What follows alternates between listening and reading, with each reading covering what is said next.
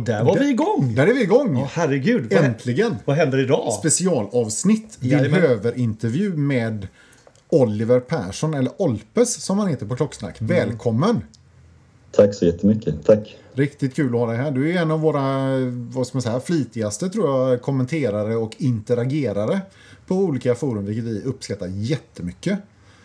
Ja, nej, men det är skön stämning i er forumstråd generellt. Det kan vara ganska mycket gnälliga gubbar på, på klocksnack och lite så här klockintressesvaktare Ja, generellt. Ja. Men eh, eran grupp har varit, ja, det har kanske varit någon som varit lite neggo någon gång men det kändes som de lämnade lika snabbt som de kom in. Så att det, det är skön stämning där så jag försöker hålla mig där faktiskt. Ja men det är lite skönt när de liksom märker att oj, här, här fick jag ingen, fick jag liksom ingen, ingen bränsle till min eld. Nej, här, här är det bara kärlek liksom. Här är idé bara kärlek. liksom. Ja. Ja, men jag, håller, jag håller med dig. Jag noterar faktiskt, det är kul att säga det, för jag var faktiskt inne och, och jag ramlade in på någon tråd som jag inte kommer ihåg vad den handlade om nu, men, men det var sådär, det var någon kille som la ut Jo, just det. Han, han la ut någonting om, om så här do's and don'ts i klockvärlden, typ, tror jag det hette. Vet inte om, om du har läst den Yes. tråden? Nej, men det, Nej, men det är ungefär samma tendens kanske. Och jävlar vad mycket skit han fick. Och vad arga folk blev på varandra. Det var helt galet. Jag fattar ingenting. Ja. Det var liksom, de bara satt och liksom skrev av sig sin ilska liksom i den här tråden. Och den här stackars killen han fick ju liksom fäkta vilt för att försvara sig liksom. Nej, och man tänker ju lite att det kanske är den yngre generationen med, med sådana här internettroll och sånt där. Men sen när man klickar på deras profiler och att det står 54, då börjar man ju exakt. undra lite om de inte har något bättre för sig. Men Ja, ja, ja, så. så. kan det väl vara kanske, vilket intresse man än har. Men Men vi, vi fick ju, vi ska ju också säga det, vi, har ju också, vi fick ju också lite, lite släng av den sleven. Det var ju någon som tyckte att vi kanske ofta hade lite mer negativ vinkling än positiv. Så vi har fått känna Ja. på hur det är liksom när, när, när, när folk tycker att det är jobbigt att man är negativ. Så han hade väl eh, dock en 10 potens värre, tänker jag. Ja, så nog. Så nog. Men du, eh, ehm, Oliver, nu får du berätta lite. Vad, eh, liksom, vad, vad är du för en snubbe och, och varför heter du Olpes? Och varför har du en så konstig bild på klocksnack? Tre frågor. ja, det var Börja med vem du är. många frågor. Ja, Eh, jag kan börja med eh, vem jag är. Eh, som sagt, mitt namn är Oliver, bor i Stockholm, eh, jobbar inom, inom webb och liksom e-handelsoptimering. Eh, mer specifikt inom kanske webbdesign-spektrumet. Eh, om man vill vara ännu mer specifik för de som kanske är lite mer branschnära så jobbar jag med user experience design och eh, user interface design. Då. UX. Eh, Exakt, UX och UI design. Där, där kände sig Anders t- 20 år yngre med en gång. Viktigt för honom. Ja, Tack. ja, tack, tack för att du bjöd på den. Väl, branschnära. Eh, nej, jag bor i en liten etta med min adopterade hund. Egentligen inte speciellt... Eh, ja. Det, det jag tycker det är ändå, inte speciellt. det är ändå ganska skönt att du adopterat den, att du inte födde en hund. För att det hade varit lite mer spännande hur det har gått till. Ja, nej, nej men alltså att ja, det handlar väl om att adoptera en före detta gatuhund. Jag är ganska passionerad. Klockor, eh, lite konstiga instrument och hundar är väl kanske mina tre största passioner. Eh, Kul! ja. Konstiga instrument, så du sa? Ja, men precis. Eh, vissa av er kanske har hört eh, ett instrument som kallas handpan och om man inte kan namnet så kanske man åtminstone har hört det någon gång och man har kanske varit på Spaniens gator och hört någon sitta och spela på något som nästan ser ut som en stor, som ett stort fat som de har i knät och som de slår på som kan ge ganska meditativt sound.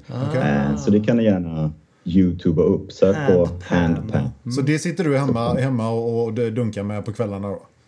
Ja, och lite andra konstiga gitarrinstrument. Didgeridoo. Didgeridoo kanske vårat favoritinstrument? Nej, det, ja, jag blev ganska förvånad när jag hörde er prata om det eller använde det som någon vignett där någon gång. För just handpan och din didgeridoo eller vad det nu kallas, de har väldigt nära eh, koppling. Så söker ni på handpan plus då det instrumentet som jag inte kan uttala Ja. så kommer ni hitta väldigt, väldigt många där de sitter både med den i munnen och blåser och spelar handpan samtidigt. Så det är lite samma genre av instrument faktiskt. Okej, coolt.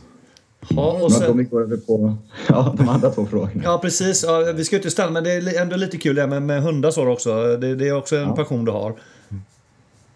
Nej, exakt. Och det har egentligen varit sen, sen barnsben. Just det här... Man brukar skilja, jag brukar skilja lite på... Mm, jag skulle säga att jag framförallt ett intresse av liksom hundbeteendevetenskap snarare än att jag kanske är en, en, en hundälskare. Ja. Utan jag är ganska intresserad av liksom att försöka förstå mig på djur Eh, och djurvärlden snarare än att kanske bara vara den som vill vara omringad av dem hela tiden och bara ge dem massor med godis. Men eh, eh, ja, det har varit ett intresse och det var någonting egentligen det som var planen att jag skulle bli hela livet. När man har sett Cesar Milan sen man var, sen man var liten, liksom, alla säsonger 18 gånger Okej. och man vill bli liksom den typen av hundpsykolog. Men sen inser när man går in på de här lönestatistik eller vad det heter, så här, ja men det här har ett dålig framtidsutsikt. Då tog jag nog en lite mer eh, taktisk karriärsväng. Ja, ja. Det väl Och så kan du ha hundar ändå. Mm, precis. Exakt, exakt. Men du, eh, nu får du berätta här då. Eh, Varför har du en bild på, på James McAvoy när han spelar Patricia i eh, Split? Alltså ett för att Split är en grym film i alla Ja. dess former. Eh, två för att McAvoy är en grym skådis i alla dess former. Och tre för att Patricia är en grym karaktär i alla dess former. Men också lite av ett internskämt mellan mig och en kompis som jag såg Split med. Ja. Och eh, han är eh, ja, lite mer estethållet. Eh, Och eh, han skådespelade Patricia väldigt bra. Så han hade liksom en röd filt som han brukade gå runt med. Och så drog han den över sig och så gjorde han ja, Patricias då Okej. ansiktsuttryck och röst. Eh, det var väldigt roligt. Så efter det så har det blivit lite så här. Om man ska välja en profilbild som inte är av sig själv, vilket verkar vara trenden på klocksnack, så då är det min go-to karaktär. Ja, coolt. Ja, coolt. ja, det var en kul story bra, faktiskt. Bra, bra story. Ja, för, bra för, det, och, för bilden väcker ju liksom lite känsla. För den, han är ju, den är ju sjukt creepy liksom. Hela karaktären, hela han och liksom det är... Ja, nej, Ja, jag, jag ska ju erkänna att när jag ser dig då på Klocksnack innan den här intervjun så, så hade jag ju en viss känsla för vem den här Olpes är. Men du har ju redan... Vad var det för känsla? Ja, men ja, det som Björn säger, li- lite creepy. Den, den bilden är ju creepy. Och eh, någonstans så är ju hjärnan sån om man ska prata människopsykologi. Då, när jag ser en bild och någon som skriver så gör man någon koppling. va? Eh, Men det räcker att vi har träffat det här nu i fem minuter så, så känner jag direkt att men det här är ju inte den personen jag ser på bilden. Eh, nej, så men det, är väldigt, väldigt Det är positivt. positivt. Ja, det är positivt. Och väldigt Ungefär receptivt samma frisyr. Ja, receptivt, precis. Samma frisyr ungefär, ja precis. Mm, samma längd. Men vi, vi missade den viktiga frågan, klockintresset då. För att nu vi, vi, vi, vi svävar ut här bland eh, hundar och, och eh, eh, Musikinstrument. musikinstrument. Men klockintresset då, var, var kommer det ifrån?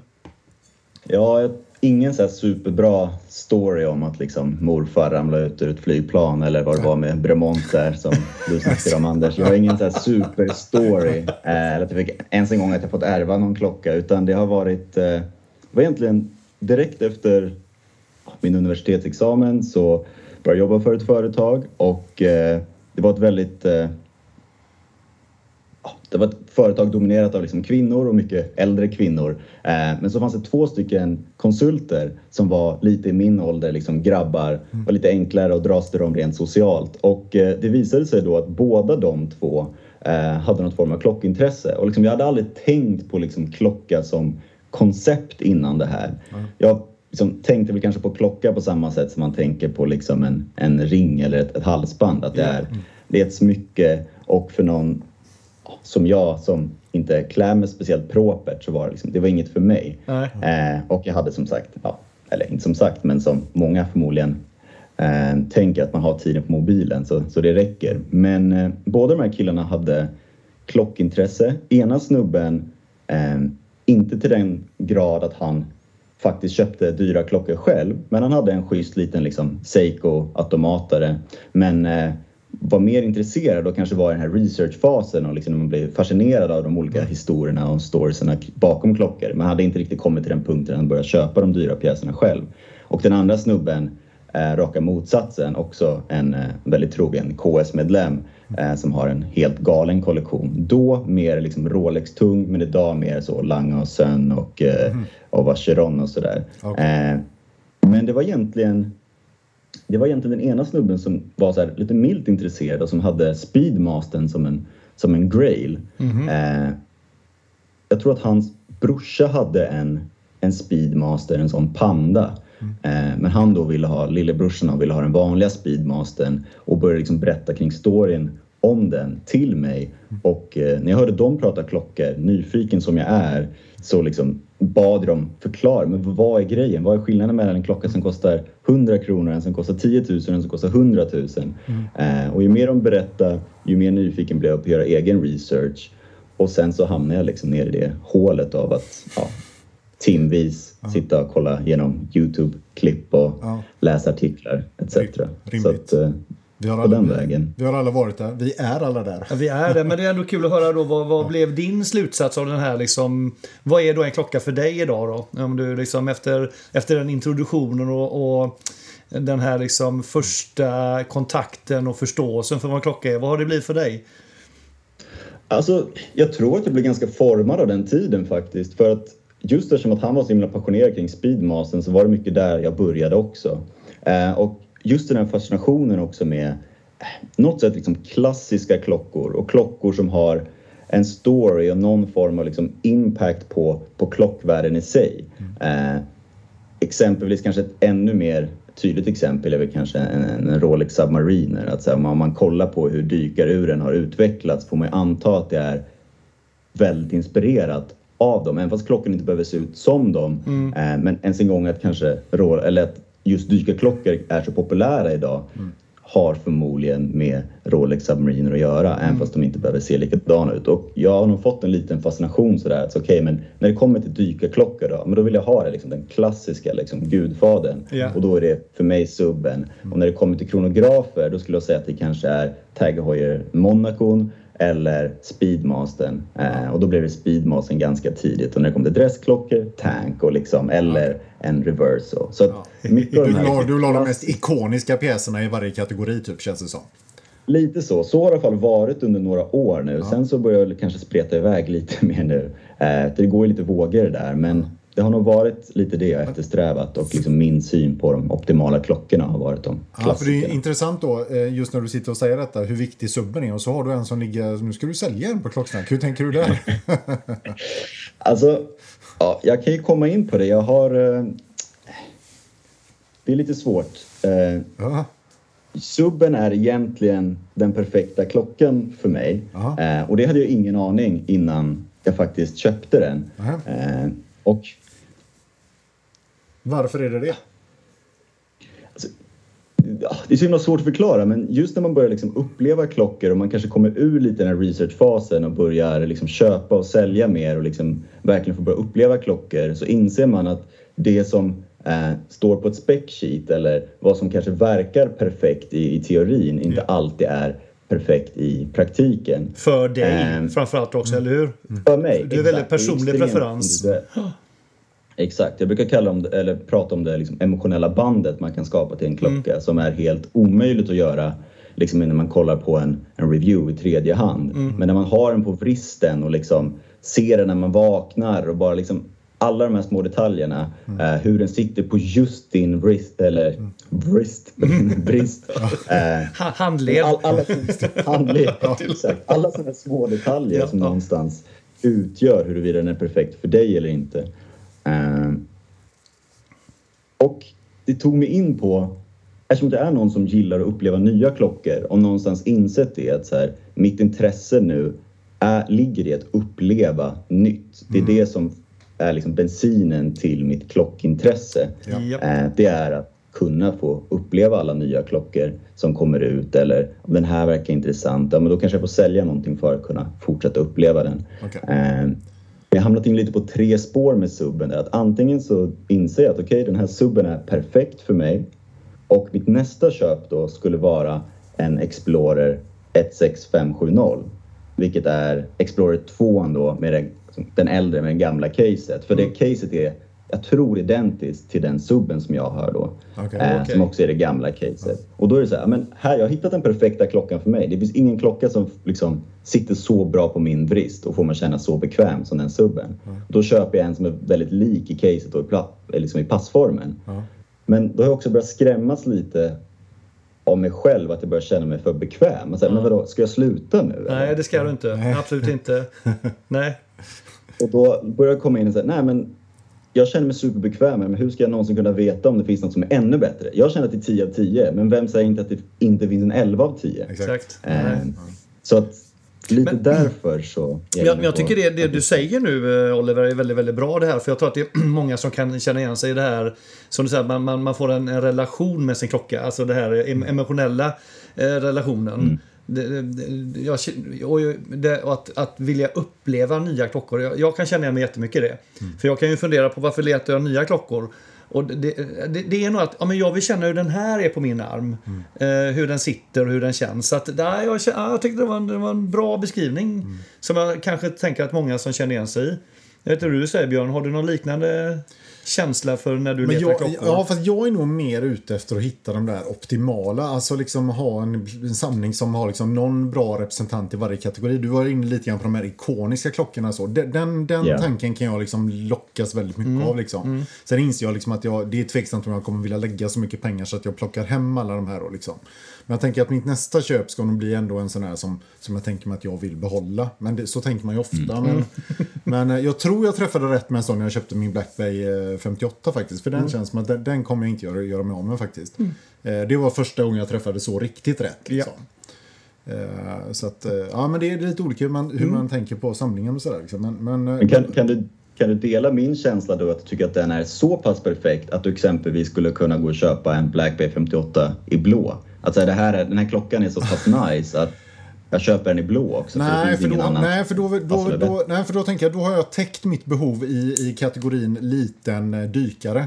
Liksom, eller retrodykare. Utan då vill, jag, då vill jag täcka någon annan, bocka för något annat fält i så fall. Liksom, tror jag. Ja, för att du har dina fack. Som jag har mina fack ja. som jag vill liksom checka mm. av i så fall. Mm. Då, då, är det en bra fliger jag vill ha nästa gång. Liksom, och så vill jag hitta den optimala där. Och så. Ja, men så det, det, är lite olika. Liksom, eh.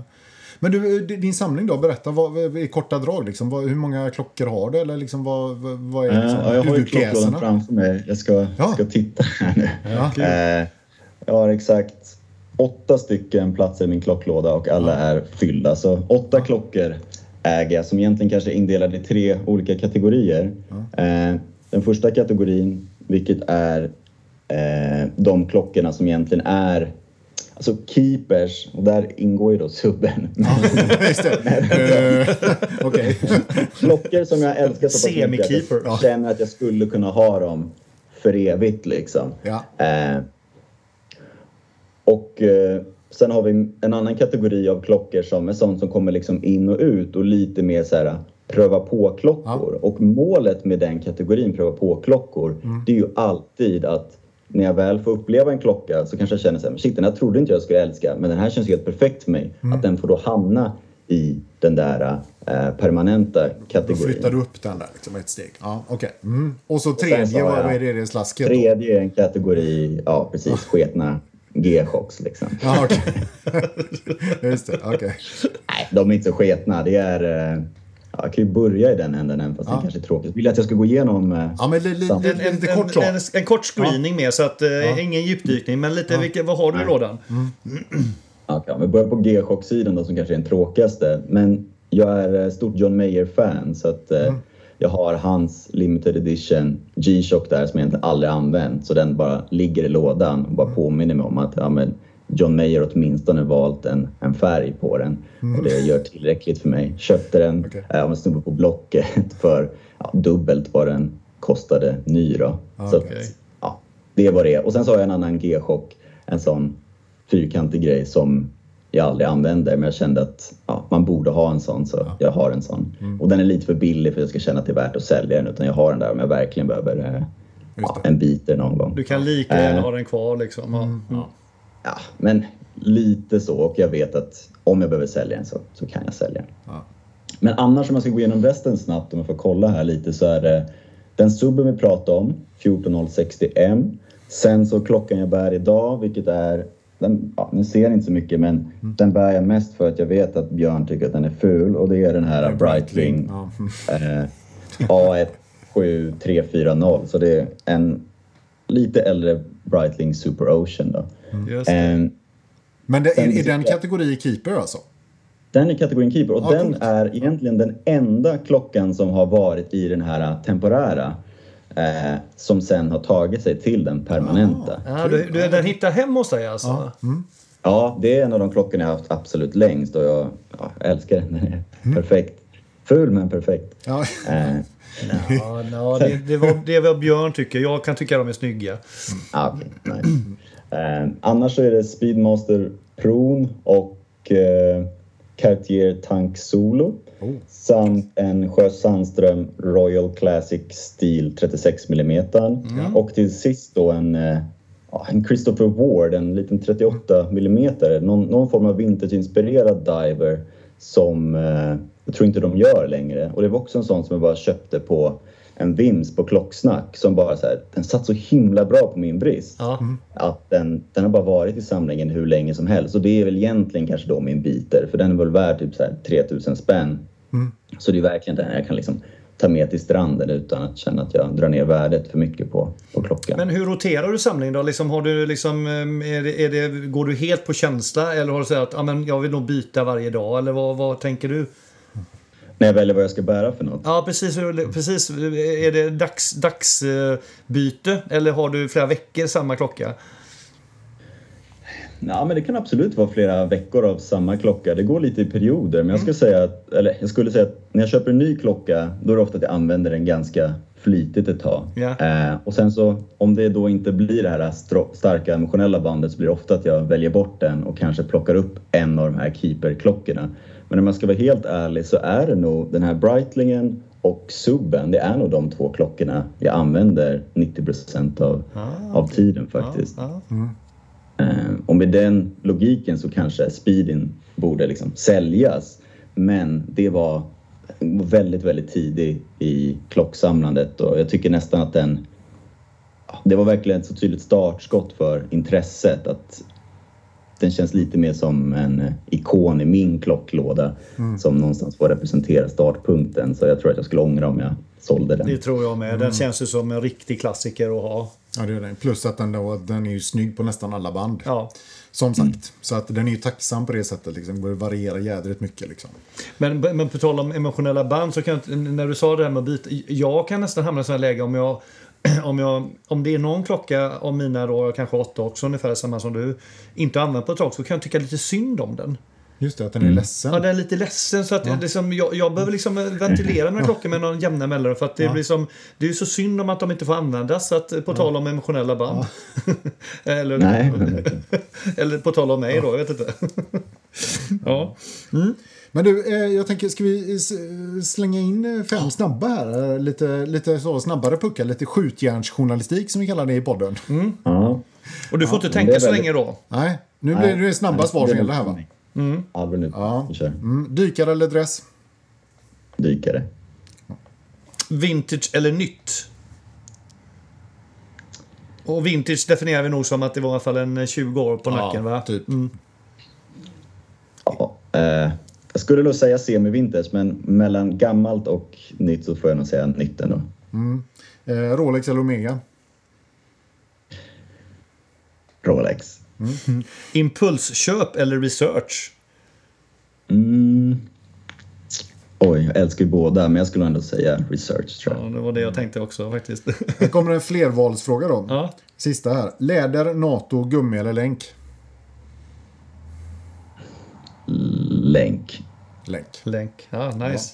Ja. Mm, har, har, har du mycket andra band förutom länkare också? Nej, den enda som har ett annat band, ja, jo, Speeden har ju ett gummi där, men mm. den har ju till länken också. Mm. Eh, men om jag ska vara helt ärlig så jag tror inte jag gillar någon bandtyp. Alltså, jag känner inte att någon bandtyp liksom har kvaliteter som, eller har liksom alla kvaliteter. Eh, har jag det på länk så kan jag ofta tycka att det blir, det blir lite tungt. Uh, jag tycker sällan liksom, det sitter bra. Claspen blir liksom lite för långt till höger, lite för långt till vänster och liksom tvingar klockan åt ett håll. Uh, kan också tycka att när man blir svettig så är det ganska liksom obekvämt med länk och den liksom fastnar och drar hår och sånt. Uh, gummi tycker jag kanske generellt sett inte ser supersnyggt ut.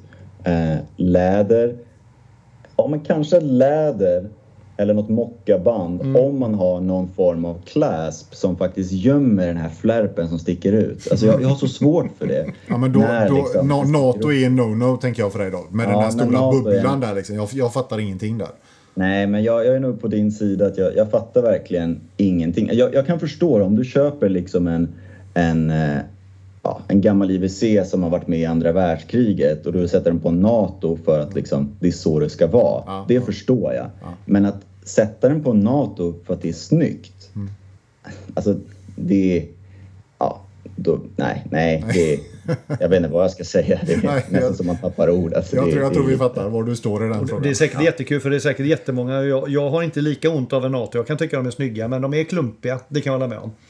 Eh, Men, men eh, ja, jag kan tycka de är lite coola eh, på vissa, vissa klockor. Ja, men coola Mm. snarare än snygga kanske. Men jag tycker man får välja lite vilken typ av klocka det ska sitta på. Liksom en, en flygarklocka och lite sådär, det, det kan jag fatta. Eller liksom Mm. en, en fältklocka. Men när man sätter det på en, en dykare, ja.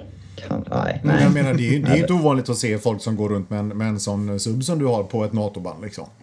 nej. Nej, och Och, det, och även eh, Speedmastern. ja, ja, ja, absolut. Ja, absolut. så det är inte alls ovanligt. Men eh, man får lov att tycka olika. Det är det som är så bra. Det är det som är så härligt. Mm. Det är helt okej. Ehm, Men eh, jag bara tänkte på det med, med band. Vi, byt, vi har ju ganska mycket, vi har haft en period med mycket läder, alltså mycket lädermocka Mm. och gummi ett tag nu. L- Ganska lite länk. Men du har börjat titta tillbaka. Jag på väg tillbaka, ja, ja, absolut. jag, jag, kan, eh, jag kan hålla med det du säger Oliver, liksom att länken är lite mer gedigen. Mm. Du får tyngden och det, det, någonstans så är det, eh, ja, men det blir, vad ska man säga, ja, lite lyxigare på något sätt kan jag tycka. Mm. Men, men tanken eh, har du på läder eller? Eller har du en... Den har jag på läder. Den har på läder, ja. Eh, Men den är, alltså den är egentligen den optimala läderklockan. För det finns egentligen två saker som jag stör mig på när det kommer till läder. Det ena är när flärpen liksom går upp på utsidan och man ser den. Det stör mig nog väldigt. Och den andra är ju eh, liksom glappet mellan luggarna. Ja. Eh, så jag vet inte om ni såg det på min Speedmaster. Nu blir det väl dåligt podderi här men eh, som ni ser den, ja ni ser knappt men den går in via luggarna i alla fall. Det finns en bild i erat, Ja. eran eh, Ja, ja, men den är så inne, insvept liksom, följer boetten. Exakt. Liksom. Ja, men det är så. Exakt. Man kallar det den är rundad liksom Mm. längst ut i ändan. Och det tycker jag gör ett mycket mer liksom, bättre helhetsintryck och känns mer genomtänkt. Ja, och eh, tanken då, den är, ju, den är ju helt rak mellan luggarna så ett rakt band ser ju liksom så kallat fitted ut Ja. eh, på den. Och den vikklaspen som de har, supersmart. För liksom, det är som att lädret viker sig. Nej, det, det är jättesvårt att förklara men om man googlar liksom Cartiers viklås Ja. så kommer man se att den, liksom, den viker sig liksom, ah, inåt mot armen. Så det blir ingen flärp som sticker ut utan den ligger liksom mot din arm på insidan på Ah, något speciellt okej. sätt. Ah, okej. Eh, eh, så att det är väl en av få klockor som jag känner sig göra så väldigt bra på, på läder. Ja, just det. Ja. Ja, den är ju jävligt snygg faktiskt. Det är helt klart så. Men du, eh, jag, jag har ju faktiskt tittat lite grann. Du skrev några tips till oss en gång. eh, Kommer du ihåg det? Ganska tidigt i poddens historia. Så, ja men grabbar, liksom här, har ni funderat lite grann på sådana här frågor och sådär? Så jag tänker att nu ska jag, ska jag utsätta dig lite grann för dem här. Ja. Nej, men, just men eh, eh, topp tre märken eller, eller ur då? Om du liksom eh, vill vi gärna ha här då. Ja, men topp tre varumärken borde vi kunna sätta. Eh, det är så svårt när man pratar om vilka varumärken man tycker om. Kanske framförallt för att vad är det som definierar huruvida man tycker om eller vilket som är ens favoritvarumärke? Exempelvis så älskar jag Omega för att bara de som varumärke, eh, hur deras urverk ser ut och hur de gärna visar deras urverk och liksom kanske eh, den tekniska innovationen och hur mycket urverk och finish du kan få för, för pengarna. Så på så sätt verkligen älskar jag Omega. Men de brister lite i att så här, de enda två klockorna som jag liksom är intresserad av är Aquaterran och eh, Speedmastern. För att Seamastern är alldeles för stor och de andra modellerna vet jag inte vad det är. Så att det är liksom Aquaterran 38 mm och Speedmastern. Det är de enda två modellerna jag kan tänka mig. Och då känns det så här, är det ett favoritmärke om det är två modeller? Ja, nej, jag förstår. Ja, ja. Att, men jag skulle absolut säga att Omega kanske... Nej, jag menar, jag skulle ändå säga Rolex nummer ett och det är väldigt tråkigt för jag har länge varit en sån som säger nej men Rolex är inte för mig. Men nu när jag vet hur, hur bra deras klockor funkar på min vrist och förmodligen är det ju så att när man försöker eh, tänka för mycket i teorin kring Rolex så fastnar man i ja men de här spexen och den här power reserven för de här pengarna, vad är det för något? Nej, ja. Men i slutändan så måste man uppleva klockan och om de då har lyckats naila de här deras klockor, deras sportur sitter überbra på vristen och är jäkligt lagom. Då tror jag liksom att ja, det är värt mer än, än hur lång power klockan har. Men just kanske för hur bra deras klockor tenderar att sitta på mig samt att de har så många olika modeller som jag tycker är attraktiva. Det gör nog att Rolex är eh, nummer ett. Även fast det gör lite ont att liksom erkänna det. Ja, ja, precis.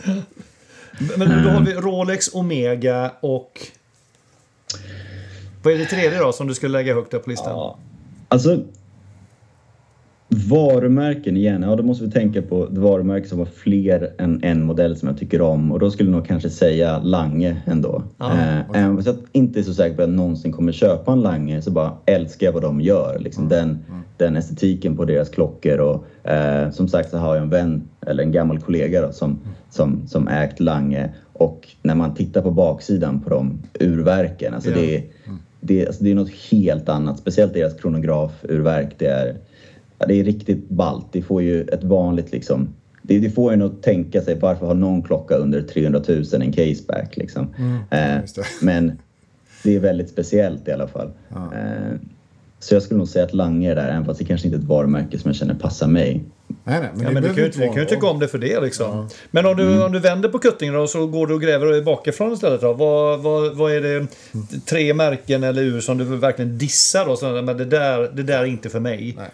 Och det, det kan vara att man tycker de är överskattade, att de inte passar på dig eller som du säger att, eller att fula modeller. Det kan vara liksom... Eh, ja men Tudor då? Nej jag skojar. Ja. Nej. Nej. Nej. Eller? Hojer. Nej, jag skulle nog... Alltså, får- okej, ett varumärke om man vill liksom sticka ut lite och vara lite kontroversiell kanske. Det är väl eh, Sin, tycker jag är överskattat. Eh, Nu hatar jag inte deras klockor, utan jag ägt deras klockor själv. Men kanske då insåg hur pass, i mitt tycke, eh, baserat på hur jag utvärderar klockor, kändes ganska överskattade. Eh, men de är så extremt liksom, respekterade inom eh, klockentusiastvärlden. Eh, och det var väl egentligen kanske förväntan som var för hög. Men när man jämför sin med, med andra märken i den prisklassen så tycker jag inte att de är så superspeciella kanske. Vad var det som, eh, var det liksom känslan i liksom länk och, och eh, liksom så eller, eller var det något annat som, som du... För, för du vet, jag är ju lite sugen på en 356 där. Ja, nej, men jag tror det är en superklocka och kan man få den för bra pris så, så, liksom, så absolut. Eh, men eh, jag skulle nog säga att just sin, de man pratar ju väldigt mycket om hur väl, alltså det är lite av en ingenjörsklocka Jo, jo. Mm, någonstans. mm, ja. eh, och att det är liksom ingenjörskapet först och kanske det rent estetiska sekundärt. Mm. Men eh, jag kan exempelvis tycka att den H-länken som den kallas Ja. är Alltså jag tycker att den är rent ut sagt dålig för vad man betalar när man jämför, kanske inte med Seiko som också har ganska risiga länkar, men typ med kanske Christopher Ward exempelvis som jag tycker har betydligt, alltså mycket, mycket bättre länkar för de pengarna. Eh, och samma med Claspen också tycker jag också är liksom, det är, den känns ganska ja, ganska intetsägande. Och eh, ska man då vara ett varumärke som säljer väldigt simpla klockor. Nu har jag haft 556 av två olika upplagor. En som har någon, eh, några siffror på sig eh, och en som utan. Då. Och eh, ska man ha en så pass simpel klocka för ändå de pengarna där det är inte så mycket finish, allt är bara brushed. Och eh, det händer inte jättemycket på urtavlan, det är inga komplikationer. Då kan jag tycka att men då kan man åtminstone slänga på en, en schysst länk. Eller vad, ja, jag förstår inte riktigt vad man betalar för. Nej, jag fattar. Jag fattar. Det är inget fel på märket, men eftersom du nämnde Ja. eh, något du tycker är lite överskattat ja. kanske. ja, men kul. Något mer då? Eh, Ja. En, en kommentar. Jag, jag har hört också det omvända. Att det finns, det, det, jag har också läst om att, det, att mm, folk skriver om att eh, sin kan också vara lite underskattad. Att, liksom att, att den inte har kommit fram tillräckligt mycket som en brand. För att det är bra klocka. Ja, just det. För att det fortfarande är så okänt Det är, utanför att det, liksom, det, det är lite liksom. okänt men det är väldigt, väldigt bra klockor. Så att, eh, Men, men, men eh, det, återigen, det, man, man kommer från olika håll där tror jag. Ja, och sen som sagt, alltså det, det handlar väl helt om vad man, vad man värderar en, i en klocka. Absolut. Men eh, som sagt, det är inget jag förstod mig på i alla fall. Eh, annars så skulle jag säga att jag tycker att Seiko är rätt trista. Kanske mm. också lite kontroversiellt. Men jag har ägt ganska många Seiko-klockor jag, jag förstår verkligen inte. Alltså för mig... Jag kan tänka så i, i bilvärlden eh, nu har inte jag ens körkort så jag ska inte tala för mycket om, om bilvärlden. ja, men det går bra. Men, det är ju bra referenser. Men i, I bilvärlden så känns det ändå som att hos bilnördar så finns det en konsensus att liksom Lexus är ganska osexigt. Att det är lite det där perfekta ja. japanska men man, man gillar det inte. Ändå inte. Det är inte här, de som kör Lexus, det är, liksom, det är inte de som är speciellt intresserade av bilar. De ser bara en fin bil med kantiga former och känner mm. ja men den var ju nice och så köper de den. Mm. Eh, men att kanske bilentusiaster inte är jätteheta i Lexus. Och jag tycker verkligen att liksom Seiko är lite Lexus-aktiga fast i klockvärlden. Mm. Eh, jag, för, alltså jag förstår verkligen inte. Det är sån extremt trist finish. Formerna känns ofta ganska eh, utdaterade. Eh, att man fortfarande liksom godkänner ofta ganska usla urverk och de ska envisas med att visa urverken som är väldigt fula. Men det finns väldigt många aspekter som stör mig. Ja. Det betyder inte att Seiko är dåliga. Nej. Det betyder bara att jag inte förstår mig på det. Och eh, eh jag har ju ägt väldigt många Seiko, kan jag väl då tillägga, så jag ändå har mycket erfarenhet av, av varumärket. Um, men eh, det finns egentligen en Seiko som jag verkligen tyckt om och det är Saab 035. Den tycker jag, den är riktigt bra. Saab 035 är, är eh, den här lilla som nästan är lite så här Datejust liknande fast med en slät bessel då. Aha, okay. Eh, det finns Saab 033 som är med svart urtavla och Saab 035 med en mer krämvit urtavla. Eh, de tillverkas inte längre, ja. men jag skulle säga att det kanske är SKX 007 och sen de här Saab-modellerna, de två då, som kanske är de mest populära, mest klassiska. Mm. And Anders har googlat upp de här nu. Ja, ja det, vi, vi känner igen dem. Mm. Lite som ett litet sport, sportur så att säga. Lite, ja, just det. Sportstål. Sportstål. Mm. Mm. Ja. Mm. Uh, Men du, om, om man, eh, om man liksom drar upp det en nivå där Grand Seiko då, känner du samma sak för det? För, för jag känner nästan att din beskrivning nu var nästan ännu mer på pricken tycker jag på Grand Seiko då. Men eh, ja, än vanliga Seiko. Det, för, för Seiko för mig känns mer Toyota och så Grand Seiko kanske mm. Lexus då. Ja. Nu kommer ju folk bli vansinniga på Ja, det. precis. Men, men, men jag håller med dig. Ja, och, och det, därför blir det ännu mer fel i min värld. Nej, men eh, jag skulle vilja säga att absolut, jag håller med. Eh, jag håller med i de fallen som eh, jag känner att... Någon på ringa Men i de fallen jag känner att eh, Grand Seiko-klockorna har ärvt för mycket av den estetiken som, som Seiko har. Mm. Eh, I de fallen så, så, känner jag exakt samma sak. Mm. Och det gör jag mycket med just deras eh, sportlinje. Eh, mm. Så om du exempelvis kollar på eh, Snowflaken som kanske är den mest mm. populära. Så är ju, alltså, den är ganska stor. Alltså, mm. Många som kanske borde bära en 36 mm Datejust är ganska nöjda med att bära en 40-41 mm Grand Seiko. Och jag vet inte riktigt om jag tycker att det är alltid speciellt schysst. Och jag skulle säga att Grand Seiko generellt har en, en tendens av att vara lite för stora, lite för biffiga. Och inte mm. bara i diameter men även i, i höjd så är de ofta ganska ja. mm. tjocka. Mm, men deras Elegance line å andra sidan, deras rena dressur. Mm.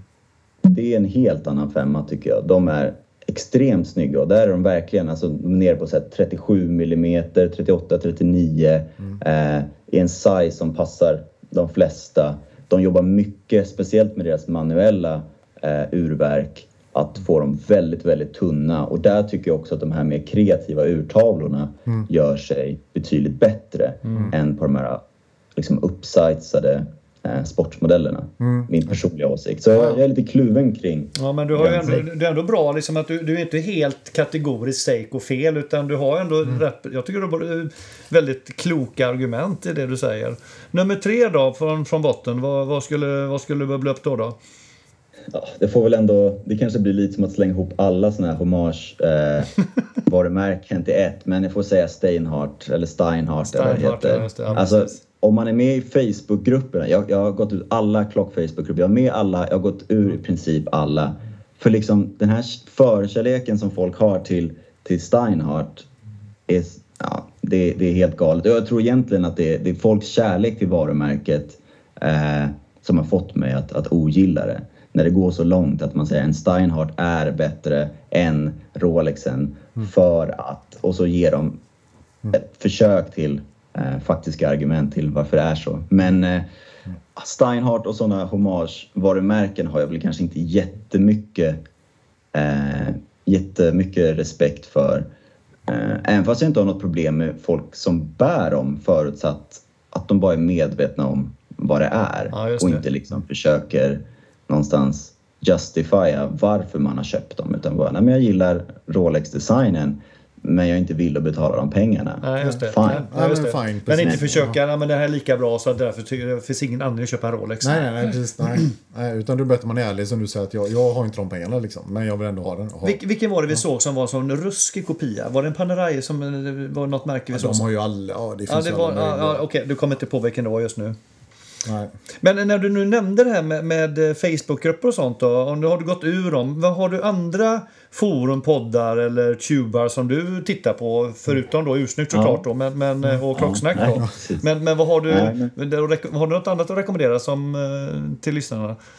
Ja, jag lyssnar på väldigt mycket klockpodcast generellt. Eh, Scottish Watches lyssnar jag på. Va, vad heter han? Eh, Scottish Watches. Jaha, okej. Vilket är eh, ja, en, framförallt en, en, en, en snubbe som heter Ricky som är ganska involverad i, i klockbranschen generellt. Okej. Och eh, som driver den med ja, en polare som nu precis slutade. Men eh, han har även en annan snubbe som eh, brukar gästa. Så jag tror att Ja. ja, det är en ny uppsättning nu. Men de, de intervjuar väldigt stora liksom, pjäser i, i, eh, i klockvärlden. Det är mycket liksom, IWC CEO eller Jaha, liksom. Ja, ja. ditten och datten. Och eftersom de också är från de brittiska öarna så är det ganska mycket liksom de från kanske eh, Christopher Ward och eh, eh, även mer sådana independent eh, engelska varumärken och sånt. De är väldigt, eh, Mm. Ja. slår väldigt starkt för den brittiska, brittiska urmakeriet. Ja, eh, men de är väldigt stora. De är, de är ganska goa förutom att eh, Lite så att jag slutar lyssna på dem nästan, det är lite töntigt men han är lite av en sån här eh, vaccin-denier eller vad man kallar det. Nej, antivaxare. Ja, och det Aj, aj. blir så här. Ja, okej. Det, Ja, det förändrar lite kanske. Ja, ja, ja. Men jag behöver inte gå in mer på det. Nej. Men eh, annars så, Two Broke Watch Snobs eh, är en podcast som eh, två amerikaner som driver.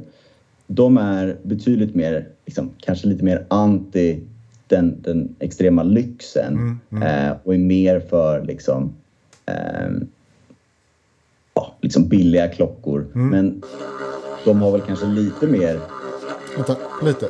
Nu gick, nu gick eh, Anders, eh, nu slängde han in didgeridoo här. Fan, vad hände där Anders? Ja, men det är så att det ligger ett gammalt spår i botten, men skit i det nu. Jaha, okej. Det blev lite fel, Ja, men det sorry. vi tal. Ja, Nej, inte. Ja. ja, two eh, broke eh, watch eh, snobs. Eller sa du? Exakt. Två amerikaner, ganska avslappnade, kanske lite mer likt er själva. Eh, där det är lika mycket liksom bara surr och god stämning. Eh, inte lika liksom seriöst som, som, Nej, som många andra. Ja. Um, Watches and Whiskey är en annan podcast. Där de ja, pratar klockor och eh, whisky. Känns Lite ju som två ganska bra ämnen ihop. Ja, ja, precis. Ja, Ja. det borde vi ta upp. Watches and whisky. Ja, nu är jag inte jag en stor whiskykille Nej, men bourbon då. Ja, bourbon, då snackar Watches vi. and bourbon. Ja, just det. Mm. Watches and Bash. Ja, Ja, just det. Bajen och och- Mm.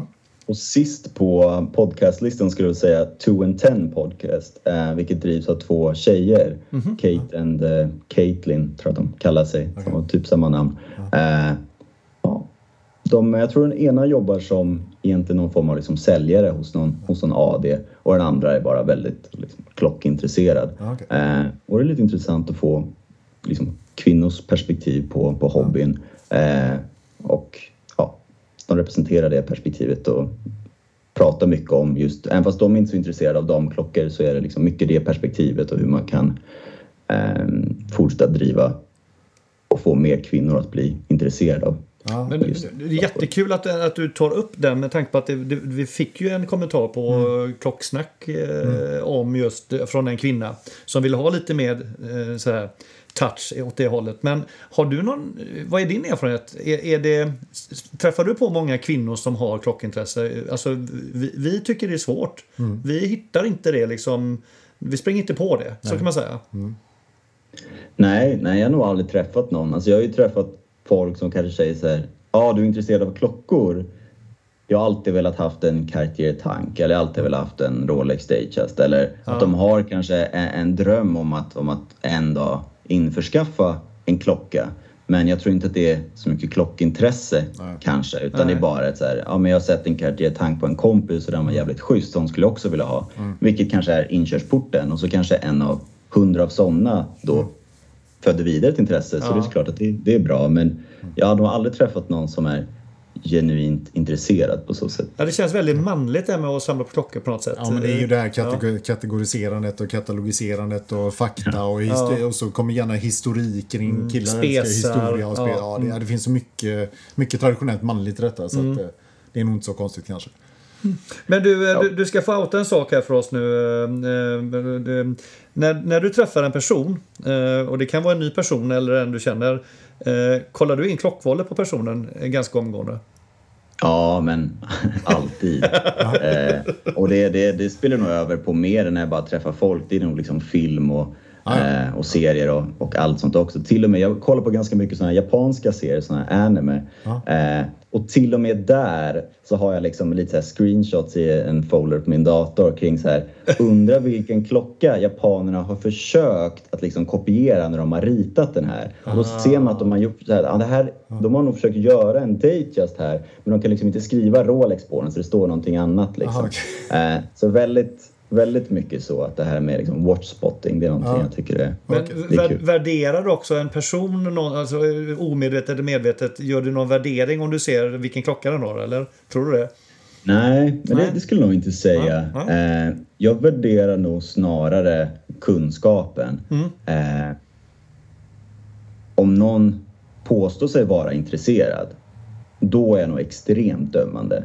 För att det blir väldigt mycket så när folk hör att man själv är intresserad säger de ah, fan jag älskar klockor också. Mm. Och sen så kanske man snabbt inser att nej men det gör ju inte alls det. Kan nej. vi prata om något annat? Mm. Eh, men eh, inte beroende på vilket eh, klockval. Som sagt, en av de snubbarna som fick mig att komma in i intresset bar en väldigt simpel klocka. Mm. Men hade både ett intresse och en kunskap som sträckte sig mycket längre. Så att Nej, det skulle jag inte säga. Nej, coolt. Ja, just det. Så ska man, ska man liksom impa på det, då ska man liksom inte eh, säga att man vi kan mer än vad man kan. Mm.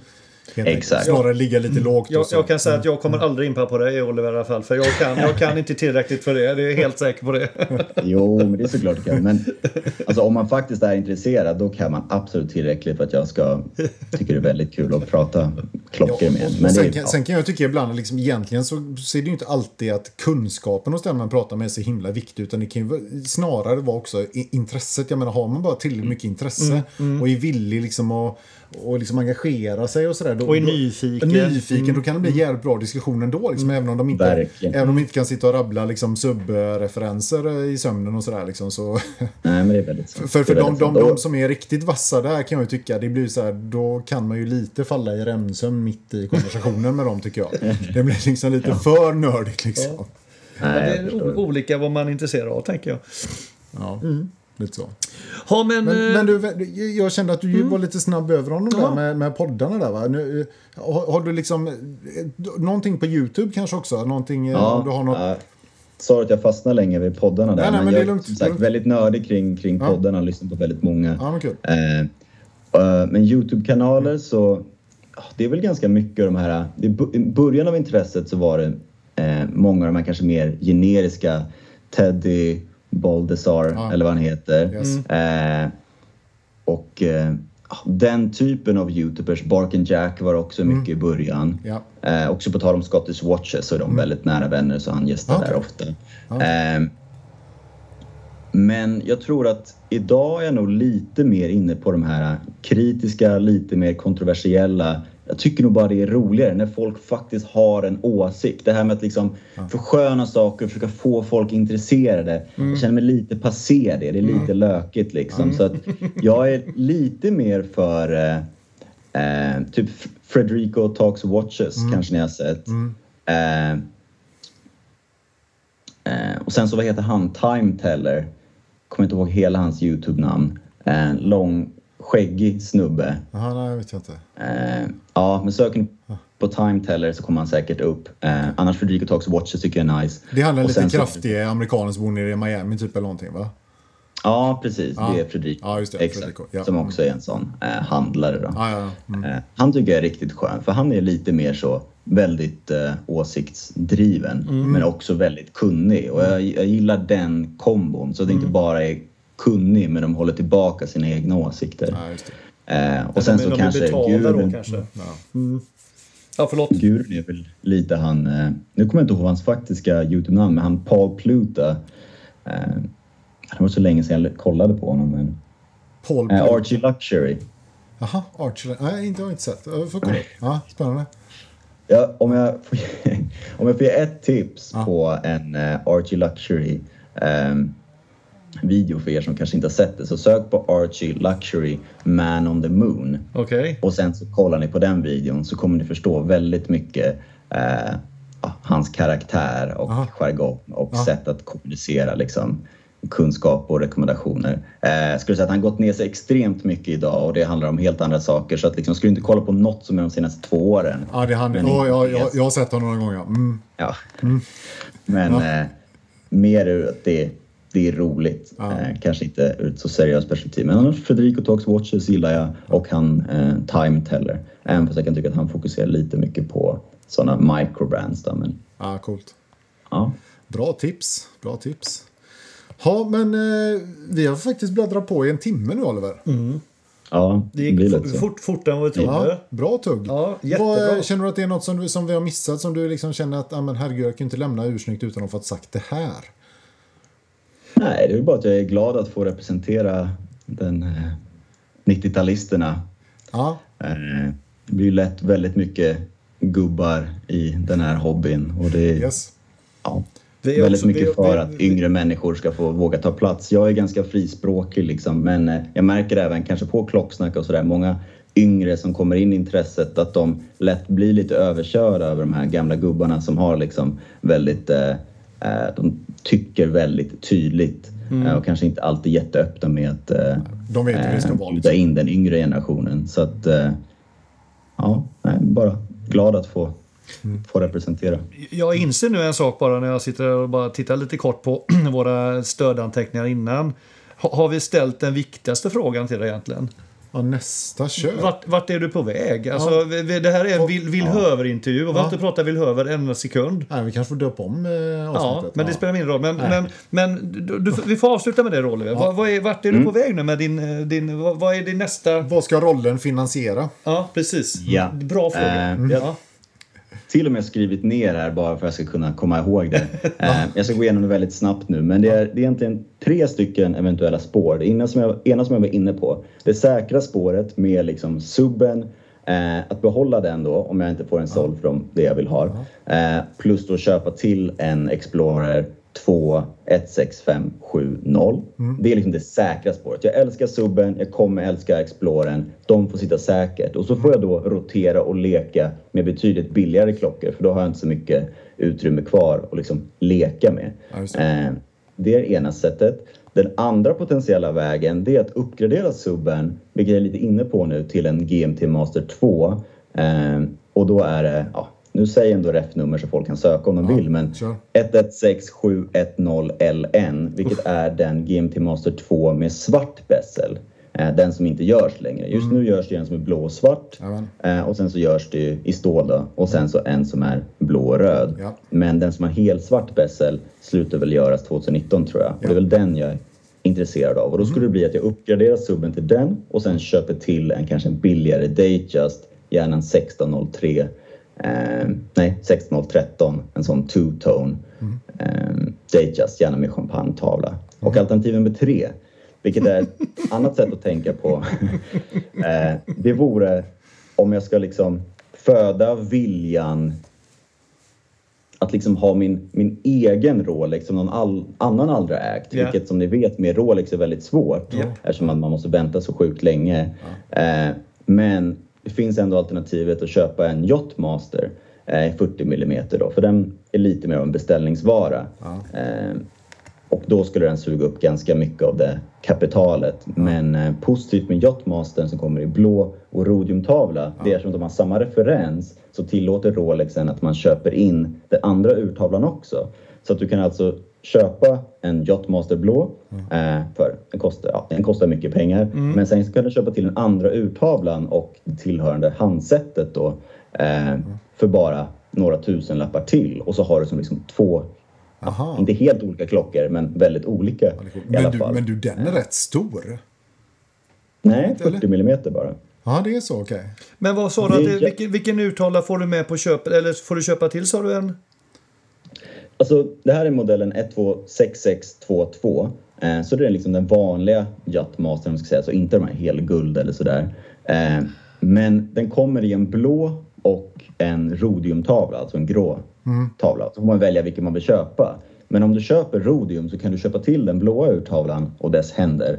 Men om du köper den blåa så kan du köpa till rhodium. Eh, så det är väl lite det spåret jag är inne på och det är faktiskt någonting som får mig Okej. väldigt intresserad av just det alternativet. Just att man kan ha två olika tavlor och olika eh, ja, visare och sen så bara gå dit urmakarna och så får de växla så blir det en helt annan Ja, för, känsla. för det var min nästa fråga. Det, det gör man inte själv på en Rolex.